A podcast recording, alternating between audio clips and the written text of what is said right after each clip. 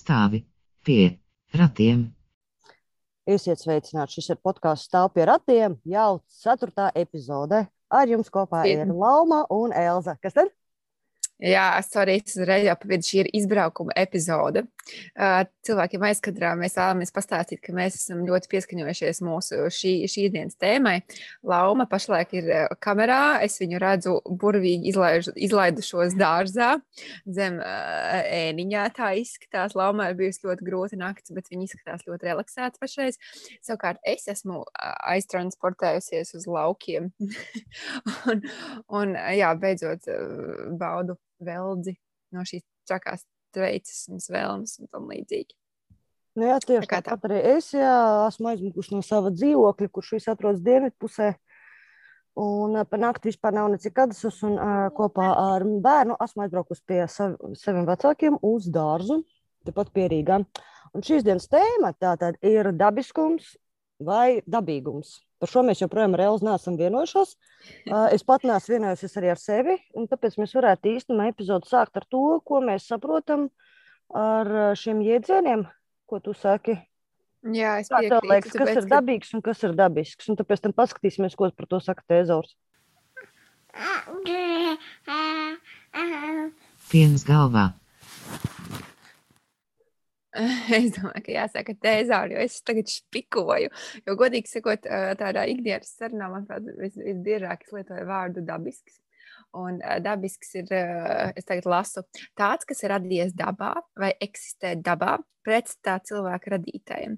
Un man liekas, tas ir tas, ko es parasti izmantoju. Dabisks tieši tā pretstatā cilvēka radītājiem, vārdsot kaut kas, kas ir radies, cēlies no dabas un, un kas ir tik tīrs un bagāts ar visādām vielām, un, un, un priekiem un ezotēriskām īpašībām, varbūt ar, ar latviešu dzīves ziņu un tam līdzīgi. Nu, man liekas, ka es kaut kā laikam arī vairāk lietoju dabisks, bet tādā nozīmē kā nesamākslots. Arī dzen, nu, teiksim, par cilvēku izturēšanos vai uh, nu, kaut kādām arī lietām. Uh, Bet dabīgi savukārt drīzāk man asociēs ar kaut kādām reklāmām. Ļoti bieži tur skan kaut kāds, nu, ka tur kaut kāds minerālu ūdens vai kaut kas tamlīdzīgs ir dabīgs, jeb no dabas nācis. Un, man liekas, ka dabīgs es vispār pati ikdienā lietoju tikai tādā nozīmē, tikai izteicienā, kas ir dabīgs, tas nav riebīgs, jo tur ir tā atskaņa būšana un tīra skanīguma dēļ. Bet, principā, man liekas, ka jā, lielākoties, ja mēs runājam par dabiskumu, Jā, jo es tagad arī es špikoju, tad dabīgs ir tāds, kas atbilst cilvēka dabai. Respektīvi, ja tas ir dabīgs minerālu ūdens, tad no kurienes cilvēkā viņš ir nācis. Bet, jā, dabīgs tāds, kurš, kurā izpaužas cilvēka daba, raksturs, kas ir nesamākslots, neviltots. Nu jā, tas ir interesanti, jo es domāju, ka tas ir tikai dabisks, vai ne? Nu tā, jā. bet nu, katrā ziņā arī Tezors saka, ka šie ir, var teikt, sinonīmi Mm. Uh, nu jā, tāds, kas, kā tu teici, dabas likmēm atbilstoši, dabas likuma nosacīs, tas ir abām, abiem vārdiem. Un tāds, kas saskan ar lietu un parādību dabai. Uh. Nu, jā, tā kā mēģināsim, mēģināsim uh, tālāk atcerēties šos uh, divus dažādus vārdus, divus dažādus jēdzienus, bet īstenībā pašā, pašā apakšā abiem skaidrojumiem ir eh, vārds normāls, respektīvi dabisks Jop. un dabīgs ir normāls. Un, un tas ir tas, man liekas, atslēgas vārds, pie kā mēs arī pieturēsimies, ka, ka mūsdienās dabisks vai dabīgs ir, ir kaut kāda veida norma, par ko mēs runājām arī iepriekšējās epizodēs. Par to, ka uh, tas, kas nācis no dabas, tas, tas ir pats labākais, iespējams, pats labākais daž, dažu cilvēku viedoklī. Uh, un uh, tas, ko cilvēks pats dara uh, arī ar savām rociņām, tas parasti vienmēr ir tas labākais un tam līdzīgi atgriežoties pie mūsu podkāstu vispār pamattēmas bērnkopības, reizē, kas tad ir dabiski? Vai būt mātei ir dabiski, vai zināt, kā audzināt bērnus, tas taču ir dabiski. Vai mm -hmm. vispār šī ir kaut kāda tāda neapspriežama premisa, vai tomēr, vai tomēr tur ir kaut kas vēl, kaut kāds nianses, par ko mēs varētu pakomentēt? Ar vienu bērnu jau viegli. Jā, varbūt, ka, ka, kas vispār mūsdienās ir dabisks? Jo, ja mēs tā padomājam, mēs dzīvojam visi, nu, lielākā daļa, puse populācijas mums dzīvo pilsētās vai, vai tuvu pilsētām, savās mazajās urbānijās, likdiņās. Mēs uh, izmantojam sociālos tīklus, kurās, uh, kuros ir vēl pilnīgi cita realitāte. Un jūs varat teikt, ka jūs neizmantojat internetu, bet statistika saka citādāk, ka te 90% cilvēku Latvijā izmanto internetu regulāri. Mēs klausāmies šo podkāstu, noteikti izmanto. Jā, es domāju, ka jūs izmantojat. Mēs rādio vēl neesam tikuši. un, un, un tur ir pilnīgi cita realitāte. Un, un okay, es tagad sēžu um, 70, 80 gadus vecā mājā ar koka grīdām un tam līdzīgi. Tāpat mums, nu, mums ir elektrība. Tad jautājums, cik tālu atpakaļ pagātnē ir jāceļās, lai tu tiešām būtu pie tā dabiskuma atgriezies. Jo, jo, jo man liekas, tas, tas tāpat kā viss cits, gan bērnkopībā, gan dzīvē, ir kaut kāds spektrs.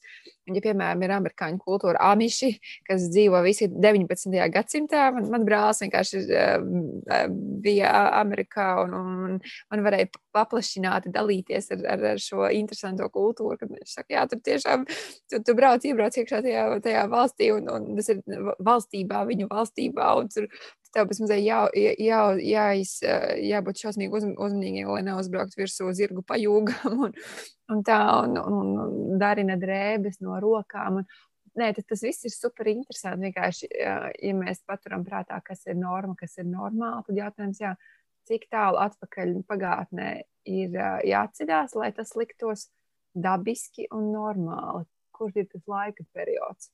Vai elektrība ir slikta, vai mobīlie telefoni ir slikti, vai mākslīgais piena maisījums ir slikti, vai uh, auztums pēkšņi ir labi. Nu, tā. vai vakcinācija ir laba vai slikta? Jā, jo vakcinācija arī būtībā ļoti jauns izgudrojums. Uh, tas ir 20. gadsimts par tām baku potēm uh, un, un, un Ah, nē, paku pods bija ātrāk. Tas bija laikam 18. gadsimts vēl, jo tad vēl, tad vēl citādāk. Bet nu, penicilīns kā tāds uh, antibiotiku sastāvdaļa ir 20. gadsimts. Cik es atceros, man liekas, labi. Nu, ja tā padomā, jā, tā varētu būt. Nepateikšu, bet teiksim, cilvēki no, cieta no poliomielīta un no tā, ka bērni bieži slimo ar to. Man liekas, ka 20. gadsimta sākumā tā bija pilnīgi tāda normāla lieta parādība mm. un padomā tikai samērā nesen tas ir vismaz izskausts. Bet uh, tas, kas man nāk prātā, ir um, ķēzargrieziens. Vai tev ir kaut kāda Jā. informācija, kad ir notikusi pirmā ķēzargrieziena operācija? Sauksim to par operāciju šajā kontekstā. Jā, nē, nē, tur ir. Es saprotu, ka ir, ir dalītas, dalīta informācija, tāpēc ka tas, tas vārds ķēzars, ķēzara grieziens jau nāk no tā, ka Romas laikā tur tika tur kaut kas izgriezts laukā mhm. un, un tā izglābts šis, šis uh, valnieks. Neatceros vairs, kurš man tik ļoti tik tālu vēsture atpakaļ man, man neinteresē.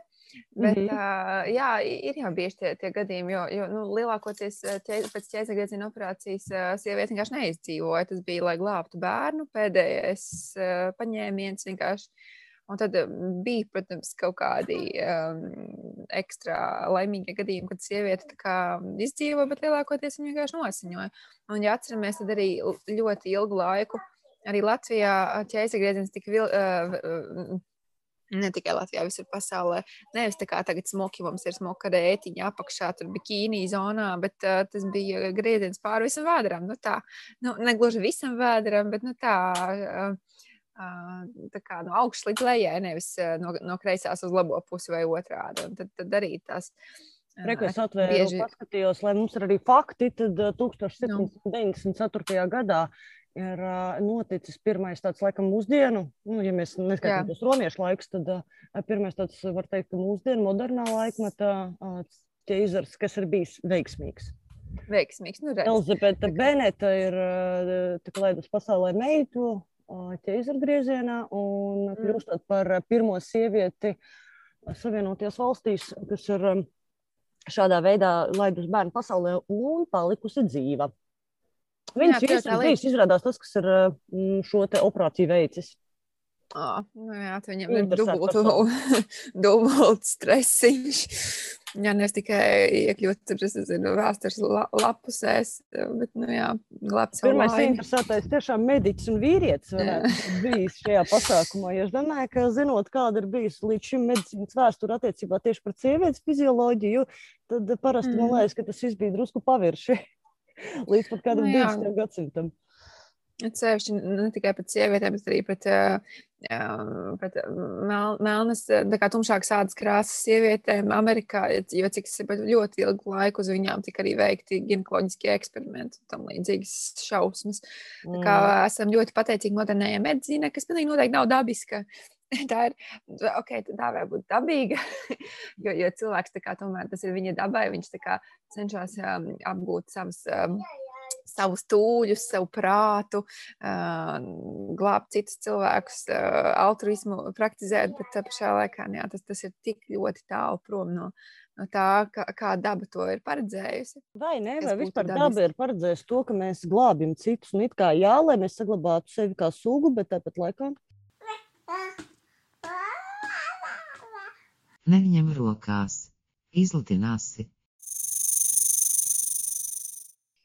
Jo, piemēram, antropologi, um, nu, man te uh, viena draudzene ieteica grāmatu no antropoloģijas plauktiņa, uh, kur uh, tā kā tiek aplūkot. Kāda bija Mothers and Others, laikam tā saucās, uh, kur tika aplūkots um, nu, no vēstures perspektīvas un visi vis tie tribal, uh, tribal mothering.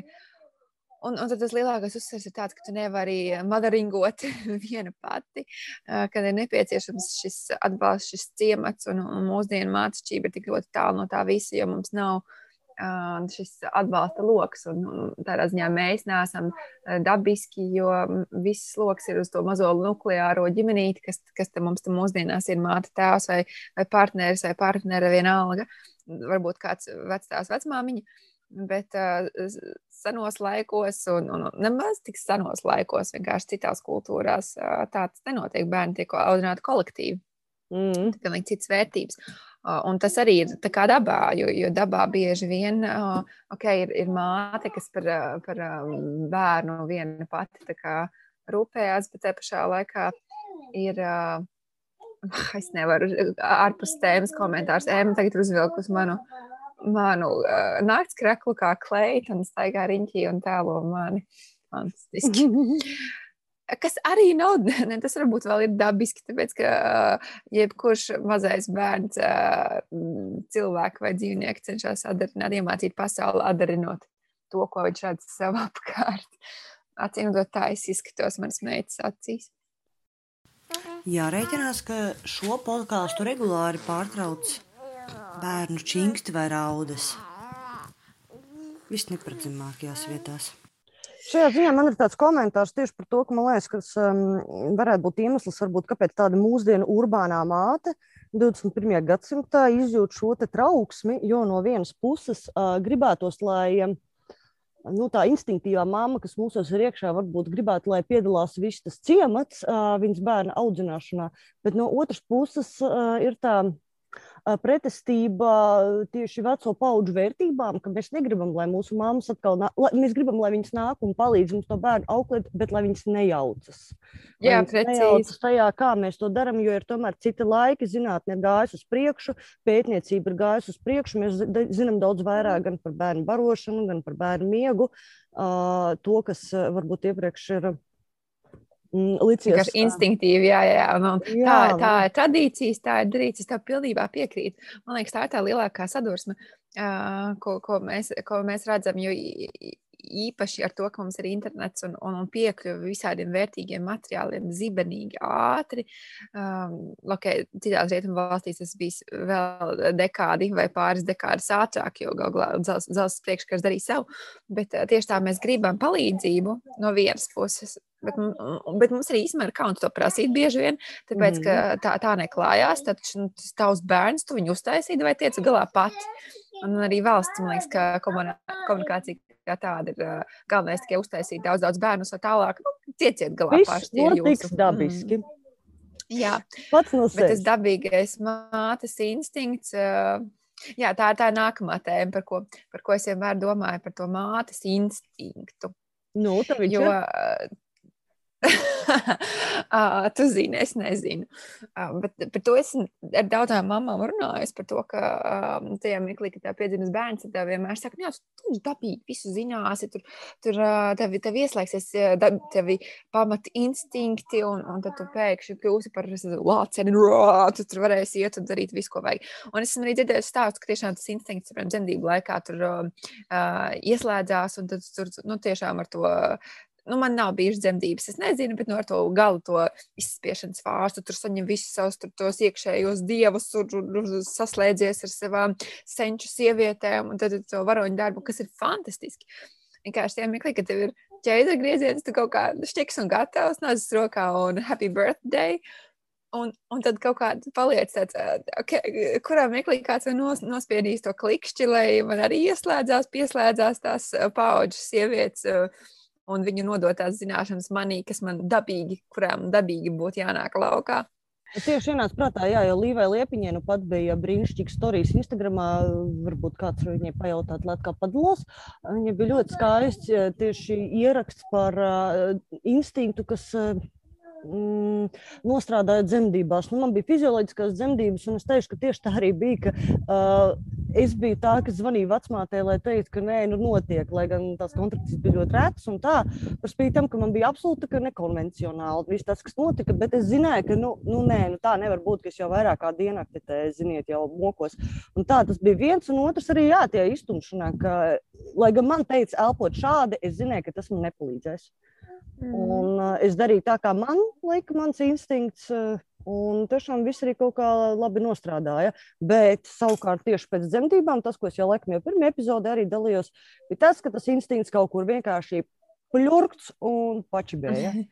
un atgriezās, es teiktu tā, ka principā bērna pusgadu man liekas, ka man kļuva mierīgāk. Es sapratu, ka tas zīdainis vairs nav tik trausls. Un ka jebkas, ko kāds cits man var ieteikt, nu, nebūs tik precīzi kā tas, ko es pati uh, jūtu attiecībā uz savu bērnu. Jo es ka viņu beidzot esmu iepazinusi un beidzot es viņu pazīstu labāk. Un, acīm redzot, tomēr, lai tas instinkts nostrādātu, ir nepieciešams arī tas um, iepazīšanās laiks ar bērnu, Jo, nu, vienalga, vai viņš ir atnācis ķēzerā vai viņš ir atnācis dzemdībās, bet tomēr viņš ir kaut kas, ko tu pirms tam neesi redzējis, sajūts, nav nekāds mazākās nojausmas, kā, kāds tas bērns uzvedīsies ārpus vēdra, vai ne? Nu tā. Tur viens grib, lai es izlasu par picu. Uh, jā, es tev pilnībā piekrītu. Man arī ieslēdzās, es, es to vairāk nodēvēju kā mīlestību pret bērnu, jo es to sajūtu tikai uh, kaut kādā pusgadā. Un, tagad, kad tas viss ir noticis, es varu atzīties, ka, ka man ļoti ilgi nāca tā mīlestība pret pirmo bērnu. Es viņu mīlēju, protams, jo, jo, jo ir jāmīl. Emī, tagad nē, pagāja mirklīt. Es, es pabeigšu savu darbiņu un, un, un, un sarunu, un tad es tev izlasīšu. Un, nu jā, un, un es visu laiku gāju, nu, kad, kad ieslēgsies, kad ieslēgsies. Nu, kāpēc nav? Kāpēc, kāpēc es skatos uz to kunkolu un man liekas, nu, jā, nu, tas ir mans bērns. Bet, nu, vai tas tiešām ir mans bērns? Un, un tas bija tik šausmīgi sarežģīti, un, un, un es jutos ar vien sliktāk un sliktāk, tāpēc, ka man likās, uh, kas, kas te es par māti, man nav ne instinktu, ne mīlestības, un, un um, to es pēc tam arī sarunās ar citām mamām intervijās arī redzēju, ka, ka bieži vien ir tās expectācijas, ka, ka jā, tu tagad piedzimis un, un viss būs uzreiz, jo tā ir daba iekārtojas, bet tas viss prasa laiku. Un ne tikai, ne tikai es tā esmu teikusi, ir, ir arī pētījumi par to. Un vēl, vēl te, uh, es tagad skatos, jā, the experience of motherhood uh, and women's family size preferences bija tāds interesants pētījums, kur, kur tā arī teikts, uh, most participants did not naturally and effortlessly, effortlessly slip into motherhood. Tā bija, tas bija šoks. Tā kā ļoti bieži, bieži tam sievietēm par spīti tam, ka tas ir dabīgi un dabiski un visas iespējamās uh, normas, tas tomēr ir, um, jā, tas, tas var būt šoks. Man bija šoks. La, la, la, la. Un kad būs otrais? Tas, kas man tikko ienāca prātā, īstenībā, ka varbūt ka gluži nav tā, ka mēs te norokam savus instinktus uzreiz pēc tam, kad bērns ir piedzimis. Jo ja mīlestība varbūt atnāk vēlāk, jo nu, varbūt mīlestība ir sociāls konstrukts. Pareizi, kādreiz taču Jā. vispār bērni nebija nekāda vērtība, jo viņi mira dzemdībās, viņi mira uzreiz pēc dzemdībām, viņi mira pirmajos dzīves gados, un kas tur Jā. vispār izdzīvoja.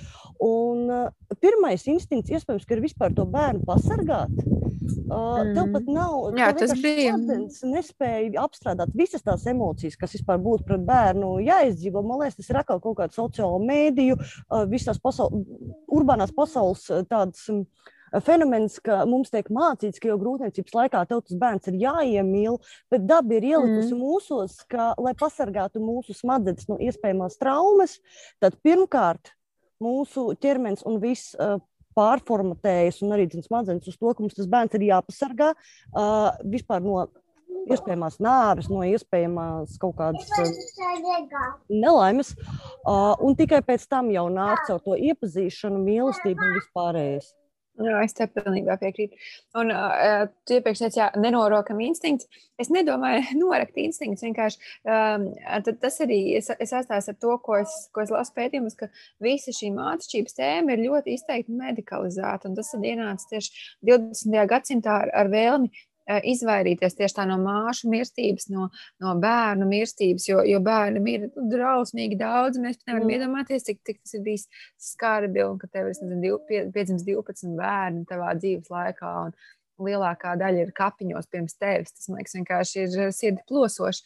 Un tad ar, ar vēlmi pasargāt sievietes un, un bērnus no nāves, iejaucās medicīna. Lielākoties medicīna, nu, protams, labu gribot, bet tas ir aizgājis viss tik tālu, ka tas sievietes pašas zināšanas par savu ķermeni nolikts otrajā plānā. Un, man liekas, atslēga būtu balans starp šo medicīna, kas ieklausās arī sievietes viedoklī, sievietes ķermenī, viņas pašas zināšanās, instinktos, ja vienalga, ja mēs Jop. lietojam to vārdu instinkti.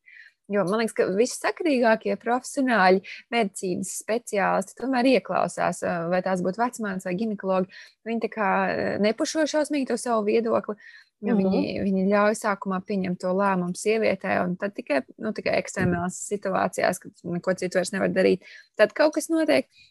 Bet, uh, man, manuprāt, jā, tīri visu šo maģisko procesu atstāt uh, kaut kādiem um, sonogrāfu aparātiem, otru sonogrāfijai un, un, un, un KTG to īsti nevar. Jo, kļūdās, man liekas, ka pirmā kļūdās vienā laidā, vai ne? pat nekļūdās. Man liekas, ka tur bieži vien tas ir tā tāda holistiska pieeja cilvēkam, ka tu skaties mm -hmm. viņu visu kopumā. Jo, jo tieši tā arī ir. Arī, piemēram, nu, man, man ir ļoti skumjš tas pirm, pats pirmais uh, bērniņa stāsts, bet uh, tagad, tā, skatoties atpakaļ, es jau no paša sākuma jūtu, ka tur nav kaut kas kārtībā. Un, tā kā man lika gulēt un, un slimnīcā, un es turpināju tur asiņot, un tas bija tik drausmīgi, drausmīgi traumējoši. Um, es, es zināju, ka es nesagaidīšu to bērniņu dzīvi jau no paša sākuma. Man viss teica, nē, nē, viss būs kārtībā kārtībā. Tur es gulēju dzemdībumā, un, par mani tiešām labi, labi centās rūpēties.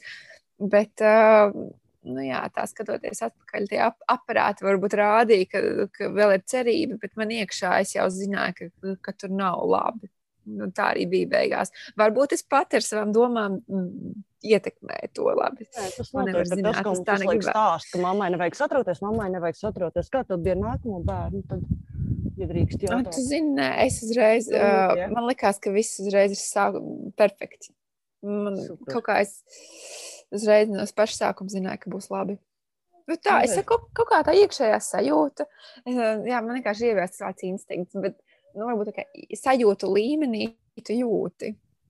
Un tas, tas ir tas arī, par ko es visas savas tas ir tas, par ko es rakstu arī visus savus darbus. Man interesē tās sajūtas, tā emocionālā pasaule, ko, ko diemžēl mūsdienu sabiedrība bieži vien atstāja otrajā pusē, ka, ka emocijas nav, nav tik svarīgas, sajūtas nav tik svarīgas, bet tas ir viss kopumā, tā ir daļa no mūsu pasaules.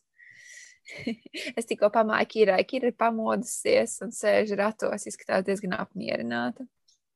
Jā, viņi ir pagulējuši savu rītu diendusiņu svaigā gaisā. Varbūt mm. tā, ka mēs varētu pāriet jau palēnām uz nākamo tēmu, bet uh, mazliet atsproties uz uh, to bērnu mirstību.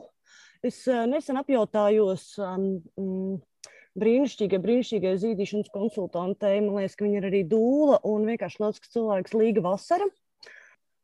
Es viņai nesen apjautāju, vai viņai ir kaut kāda informācija par zīdīšanas vēsturi, kā tādu par krūts barošanas vēsturi, par to, cik sen ir kaut kādas lietas un tā. Un tad mēs eh, kaut kā nonācām pie secinājuma, ka nu, īsti jau tas dokumentēts nav, jo nu, skaidrs, ka nu, sieviešu vēsture vienkārši ir eh, stipri maz uh, fiksēta. Bet nu, skaidrs ir tas, ka ļoti daudz bērnu īstenībā nomira tieši no tā, ka viņi nebija līdz galam nu, izbaroti ar krūti ka ļoti daudz baznīcas grāmatās arī Latvijā parādās ieraksti pie pavisam maziem bērniņiem. Šu, šu, šu, šu, šu, šu, šu, šu, šu, šu, šu. Nedēļu un mēnesi, un uh, drusku pat uh, mēnešus vecākiem, ka viņi ir nomiruši no novārguma vai kaut kā tamlīdzīga. Nu, kas nozīmē, ka visticamāk nav pieticis krūtspiena, mm. tur nav kaut kas bijis labi. Un, uh, nu, un, tā kā senos laikos viņi jau parasti meklē tādas. Palīdzību no malas, zīdītājs, kas varētu palīdzēt. Tad, ja tāda nebija, tas bērns bija principā, viņš bija nolemts nāvei. Nu, tā mēs lēnām varētu ar šādu skaistu pozitīvu uh, vēsturisku ieskatu pāriet uz tēmu krūtspiens un piena maisījums. Vai mēs iesim šajā teritorijā? Jā, mēs iesim pilnīgi noteikti. We mēs iesim šajā teritorijā. Bet, uh, nē, es, es uzreiz pieminēt gribēju, es, es tieši skatījos, Jā, es, es jau biju kaut kā aizmirsis, bet pareizi. Visās arī man, man patīk 19. gadsimta literatūra, franču un krievi. Un tur vienmēr ir tās zīdītājas, jo bieži vien aristokrātis viņas pašas nedzīvo tos bērnus, lai saglabātu savu formu un ātrāk atgrieztos tur um, sociālajā dzīvē. Un, un, un uh, arī zemnieku sievas nevienmēr zīd. Tā ir atkal runa par to kolektīvu audzināšanu, mm -hmm. kas ir pretstatā uh, mums. Kad, uh, un, un es tieši tieši atradu pētījumu, ka arī mūsdienās ir tāda kustība, ka, uh, ka breast is best, donor is next. Respektīvi, ja tu pati nevari zīdīt, tad uh, labāk nekā piena maisījums ir citas sievietes piens kas arī liekas, nu, okay, kas ir dabīgi. Dabīgi tā bija īstenībā, ja mēs tā padomājam. Uh, jo senos laikos tā cilvēki darīja. Mm. Jo, jo, jo tieši tā, man liekas, tas, tas uzstādījums, ka pilnīgi visi var zīdīt, tas ir kļūdains. Tāpēc, nu, es saprotu, ka ir ļoti mazs procents, kam, tur, kam tur tiešām medicīniski iemesli dēļ nesanāk zīdīt, bet ir, kā mēs visi ļoti labi zinām, ir, ir arī psiholoģiski. Spe, spektrs, jā, iemesli, mm. kāpēc tā nesanāk, un stress ir viens no tiem. Uh, Vai vienkārši tev... negribas? Nu, tā. Vai, nu jā, tas ir pēdējais. Tas ir tāds uh, mūsdienu, varbūt uh, egoistiskās sievietes iemesls. Jā, dēliņ, mēs te runājamies. Man ienāca otrs bērns. Ej, paspēlēsim, kas te kaķi. Uh, jā, bet par to breast is best, uh, breast is best, donor is next. Tas man likās, jā, interesanti, ka arī mūsdienās, nu, piemēram, tagad tiek, tiek veidot arī tā uh, mātes piena banka, uh, Um, es zinu, ka, ka, ka var ziedot savu pienu. Es neesmu īpaši iedziļinājusies.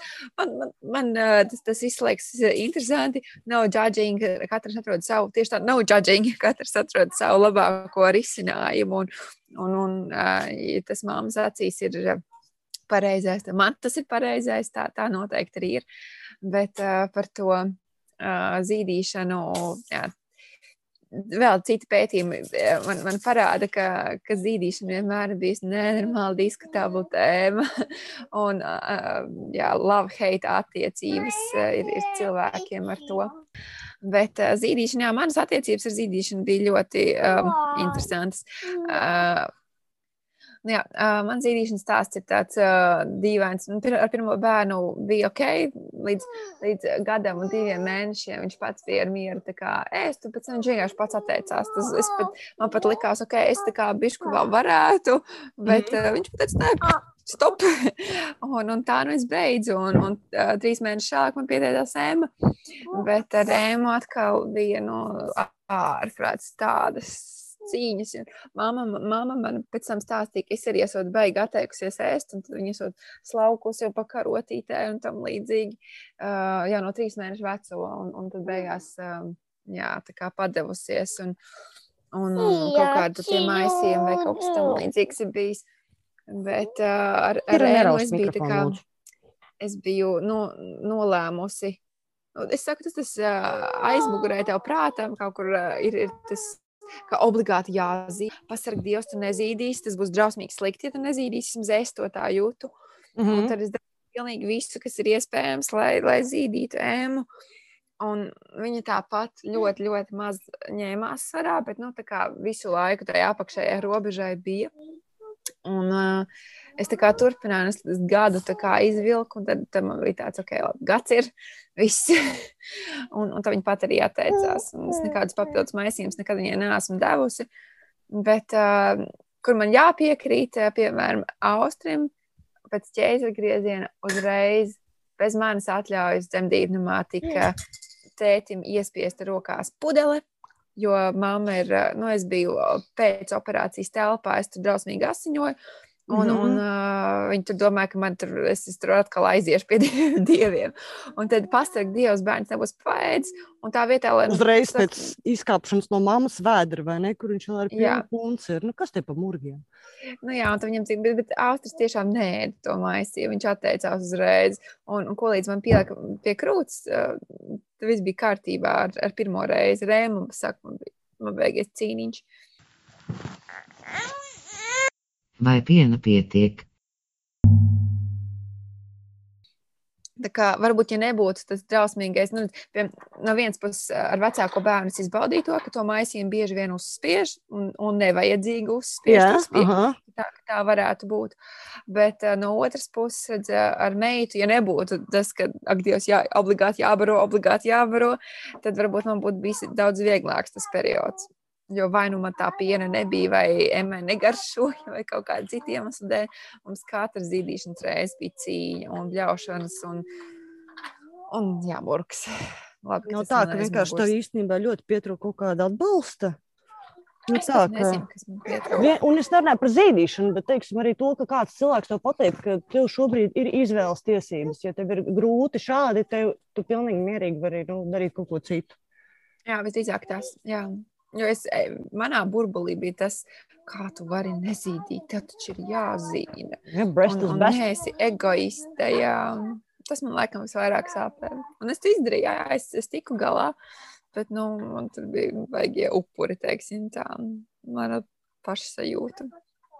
Kas, protams, nav nekas. Es ticu, ka citi cilvēki pateiks, nu, man tieši tāpat bija, bet es cēlos un kritu. Bet Es tādā ziņā esmu laikam ļoti saudzēta, jo es pirmkārt diezgan abstrahējos no tās informācijas pirms dzemdībām par spīti tam, ka man ginekoloģi arī lasi par zīdīšanu, rekuzīdīšanas ABC, kur rakstīts, ka bērns citādi nevarēs iegūt emocionālu saikni ar māti, ja netiks barots ar krūti. Es sapratu, ka man ir jāsargā sevi no šādas informācijas gadījumam, ja mm. kaut kas nesanāks pēc dzemdībām. Jā, jā. Jo mans tas uzstādījums bija tāds, ka es mēģināšu par šo nepārdzīvot. Ja kaut kas neies, ir piena maisījums. Tam tas arī ir domāts. Mēģināsim barot ar krūti, tas ir lētāk, ērtāk, tam līdzīgi. Tieši, Protams, jā. par ērtībām. Mm, Tagad varētu arī pasvīdēties vai celties pa nakti piecas reizes eh, karstā laikā. Ir ērtāk. Jā. Uh, bet uh, kopumā man ļoti izmainījās tā domāšana tieši pēc dzemdībām. Pat nevis domāšana, bet tieši tā kaut kāda sava iekšējā izjūta, kad bērni pielika man pie krūtis dzemdību zālē. Un nu, ar mani notika tas kaut kāds tas brīnums. Ka es sapratu, ka Dievs, šis ir brīnišķīgākais, kas manā dzīvē ir noticis, un mums ļoti labi sanāk abām.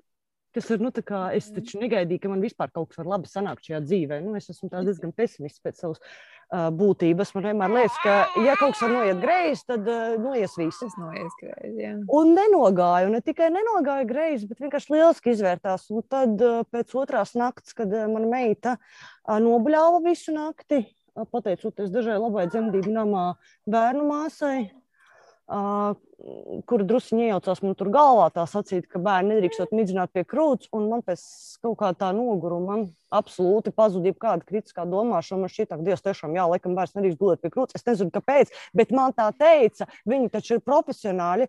Tad es visu nakti noraustīju to bērnu sev pie krūts ar kaut kādu tur mēģināju nomierināt rokās, un nākamajā dienā bērns nespēja kā pārstāj ēst. Tajā brīdī es zināju, ka es nevēlos, tiešām nevēlos, ka mums tik labi, tik skaisti viss sanāca. Un es vēlos, lai šis process turpinās, lai es varu viņu barot eh, pati. Un, nu, izdevās, viss kārtībā. Un tā drusku maisīm vajadzēja bērnam dot, bet tas bija nepieciešams, jo viņai tiešām fiziski nebija vienkārši spēki ņemt krūti. Bet jā, jā viss beidzās labi un forši. Jā, mamma, mamma, mamma. Viss beidzās forši. Ir. Nu, lūk, un kopš tā, protams, es arī saprotu, kāpēc mani, piemēram, netrigerē kaut kāda tur um, stāsti vai informācija par zīdīšanu, jo man viss ir ļoti labi gājis. Mm. Tā, bet es lieliski saprotu, ka kādam tas var arī likties sāpīgi visu laiku dzirdēt šo te zīdīšanu pirmkārt. Pirmkārt, zīdīšana, pirmkārt, zīdīšana. Jā, jā. ir kaut kāds draņķīgs pakaļdarinājums. Mm. Nu, nu, jā, nu, tāpēc arī es, es, piekrītu, ka, ka, ka savā ziņā tas, tas krūts piens vātē ir, es saprotu, tur individuāli pielāgots tur bērna tur vajadzībām, un ja bērns ir slims, tad viņš arī tur uh, mūsu ķermenis respondē, un tad uzreiz ir uh, pilnīgi citādāks tas piens, un no rīta viņš ir citādāks, vakarā viņš ir citādāks, la, la, la. Es tam visam piekrītu, vienkārši tas, tas nāk ar drausmīgāko slogu, ka jau tā ir tas spiediens tev būt perfektai mammai, un, ja tev šis nesanāk, tad tu esi, nu, tu esi failojis. Tu, tu, tu tā jūties, tu tieši tā arī jūties. Un man bija svarīgi nejusties pilnīgi slikti, bet es upurēju kaut ko citu sevī, lai tikai man sanāktu tā zīdīšana. Bet tu zini, kas man likās interesanti? par to um, arī uh, bija, bija publicēta tā statistika, kurā, kurā vecumā tur cik daudz tie cilvēki, uh, sievietes zīda tos bērnus. Un tur bija teikts, ka tiešām pirmās sešas nedēļas 50-60% tiešām zīda. Un, un, un pēc tam ļoti ātri sāk samazināties. Tālāk tur bija, nezinu, 40, 30% jau tur pusgadā tur visi beidz. Tad uh, es vienkārši ļoti spilgti atceros, ka ap ap trīs nedēļām un ap trīs mēnešiem man arī bija tā piena krīze. Mm -hmm. Jo piens, cik es saprotu, pēc tam lasot, eh, piens mainījās. Un tad man liekas, drīzāk svarīgi būtu likt akcentu nevis uz to, ka, ak, Dievs, pasak, Dievs, tu tur uh, uh, obligāti jās, jāsāk. Man liekas, ka visi cenšas sākt, bet pēc mm. tam ir kaut kāds tas mirklis, ka, tu, ka tev kaut kas noiet greizi un ka tu nezini vairs kā rīkoties un tad tu padodies, nu, varbūt dažreiz uh, tev būtu sanācis, bet tieši tā nav tas kolektīvais atbalsts. Un tad mēs atgriežamies pie tā, kas ir dabiski un dabīgi. Uh, uh, varbūt, ka dabiski kāds tev, tavā, nu, es nezinu, tavā kopienā tev atbalstīt un pateikt, nē, nē, tu vari. Varbūt tev šis te nesanāk, pamēģini šitā, bet, bet mēs esam tā kā, it sevišķi pandēmijas dēļ ieslodzīti katrs savā mazā šūniņā, un mēs tā kā nedabūjam to atbalstu. Bet, nu, jā, tāds, tāds uzbrukošs, briesmīgs atbalsts arī noteikti nebūtu tas, ko es gribētu. Jo man, es atceros ļoti spilgti, ka, ka, ka man kaut kā bērns vairāk sāka prasīt pienu, un, un man likās, ka man tā piena nav, un es mēģināju slaukt, un tad man likās, nekas nav. Tad, tad uh, vienā mirklī arī būtu visticamāk tā kā beigas, bet man likās, tā, man draudzene tieši tajā mirklī pateica, nē, nē, man tāpat bija vai turpini, pamēģini, varbūt tā sanāks. Un, ja nē, tad, tad tā kā maisījums. Un es tā arī darīju, un tad vismaz to mieklu mēs pārdzīvojām. Man liekas, ļoti svarīgi ir tiešām dzirdēt to, ka kāds atbalsta tavu izvēli. Tā ir Jā. tā saucamā informētā izvēle, bet gala vārds mm. pieder sievietei. Uh, mm, Bez judgment. Jā, tieši jā. tā. Ja tu izvēlies, nē, es, piemēram, man ir svarīgi tur atgriezties darbā, es nevaru zīdīt, es, es viņu pazīstu tas sešas nedēļas, un es tiešām nu, negribu, vai arī es savam ķermenim to negribu nodarīt. Un tas, tas viss ir pilnīgi valīdi, tas ir tavs ķermenis. Tu varbūt gribi iet pasaulē bērnu, bet tieši tā, bet varbūt tas ir tavs limits, un man liekas, tas ir pilnīgi normāli. Es domāju, ka ja, ja vīrieši zīdītu un dzemdētu bērnus, viņiem nebūtu tādas problēmas. Viņi vienkārši pateikt, nē, stop, bet nu, kaut kā mūsu tas nabaga trauslais dzimums uh, mūs drīkst iespaidot, par mums drīkst izteikties visi, kam nevajadzētu izteikties. Jā, visbiežāk ir sievietes tās, kas džadžo, jo, nu redz, vai tur iekšā kaut kādi slēpti aizvainojumi vai, mm. vai pagājušas nepatīkamās pieredzes. Jā, jā. Līdz pilngadībai barosi. Jo jā, parasti vīriešiem, jā, vismaz es, cik esmu runājis arī ar citām sievietēm, kuras baro ar krūti, tad viņas parasti vienmēr ir satikušās. Mēs visi satiekamies kaut kādā vienā punktā, kurā mums tie partneri un bērnu tēvi saka, ka, nu, bet ja tas ir tik grūti, tad varbūt pārējais maisījumu. Un skaidrs tā celšanās pa naktīm tam līdzīgi. Un tad nevar viņam izstāstīt, kāpēc man, piemēram, ir tik svarīgi turpināt dzīvīt. Man tas nesagādā milzu mokas, bet brīžiem tas ir diezgan nu, tāds nērtības. Teiksim, šonakt esmu gulējis četras stundas. Tāpēc šodien es tādu mazliet filozofiski noskaņot. Uh, Bet es nevēlos. Es tiešām to nevēlos. Man liekas, ka ir ļoti svarīgi palikt pie tā, ka abas tās, tās nav kaut kāds pretējs frontes uh, maisījums, VS. Uh, Mātes piens, bet vienkārši ir jārēķinās, ka katrs no šiem risinājumiem nāk ar kaut kādu zināmu, kā, es negribētu teikt, upuri, bet nu, nērtībām ar kaut ko, kas tā tad ir drusku jāziedo vai ne, jebkurā gadījumā. Un pateikt, ka, piemēram, māte, kas baro bērnu ar maisīm, ir slinka, vai, nezinu, tur sieviete, kas baro, piemēram, ar krūti, būtu kaut kāda tur atpakaļ rāpulīga vai nesaprast neko no mūsdienu tehnoloģijām, tas ir vienkārši šausmīgi. Tā, man liekas, ka vienkārši būtu jāatbrīvojas no kategoriskuma, runājot uh, par šīm tēmām. Un tas kategoriskums parādās šobrīd arī visādos sociālos tīklos. Tas ir, tas ir skumji, jo man liekas, ka tomēr sievietēm vajadzētu būt lielākiem atbalstam vienai otrai. Tieši tā, tas ir spektrs, nevis melnbalta fotografija. Kur arī, īstenībā, kur arī īstenībā ir arī pelēko tūģu spektrs, tā kā slikts piemērs. Bet, uh, ok, spektrs nevis luksofors. Tas būtu laikam jā, precīzāk. Jā, jā. Mm. Pasmaidi, mammīt! Ar to arī šodien izskan podkāstu stāv pie ratiem ceturtā epizode, kurā runājam par to, kas ir dabīgs, tas nav riebīgs. Epizode ir sanākusi varbūt pat atklātāka nekā mēs plānojām, taču nu, tā laikam par tām dabīgiem un dabiskiem lietām tiek runāts. Nu, skaidrībā mēs netikām, kas ir dabīgs un kas ir dabisks, bet viens gan ir skaidrs, ka dabiskums tas nenozīmē tikai fizioloģiskas dzemdības un barošanu ar krūti, bet arī atklāt sarunu par tām lietām, par kurām varbūt nav pieņemts publiski runāt. Nu tā. Aicinām piesakot Facebook lapai ar nosaukumu Stāv pie ratiem, kurā mēs arī publicēsim ne tikai uh, epizodes kurus izlaižam, bet arī dažādas citas ar podkāstu saistītas jaunumus. Un iespējams arī, tā varētu veidoties par platformu diskusijām par un ap podkāstā aplūkotajām tēmām. Visu gaišu! Vai jums ir veldze un ēna? Man liekas, ka bija baigi sakrīgi šodien. Jā, jā. Tev, Kira, ko tu dari? Devai. Čau.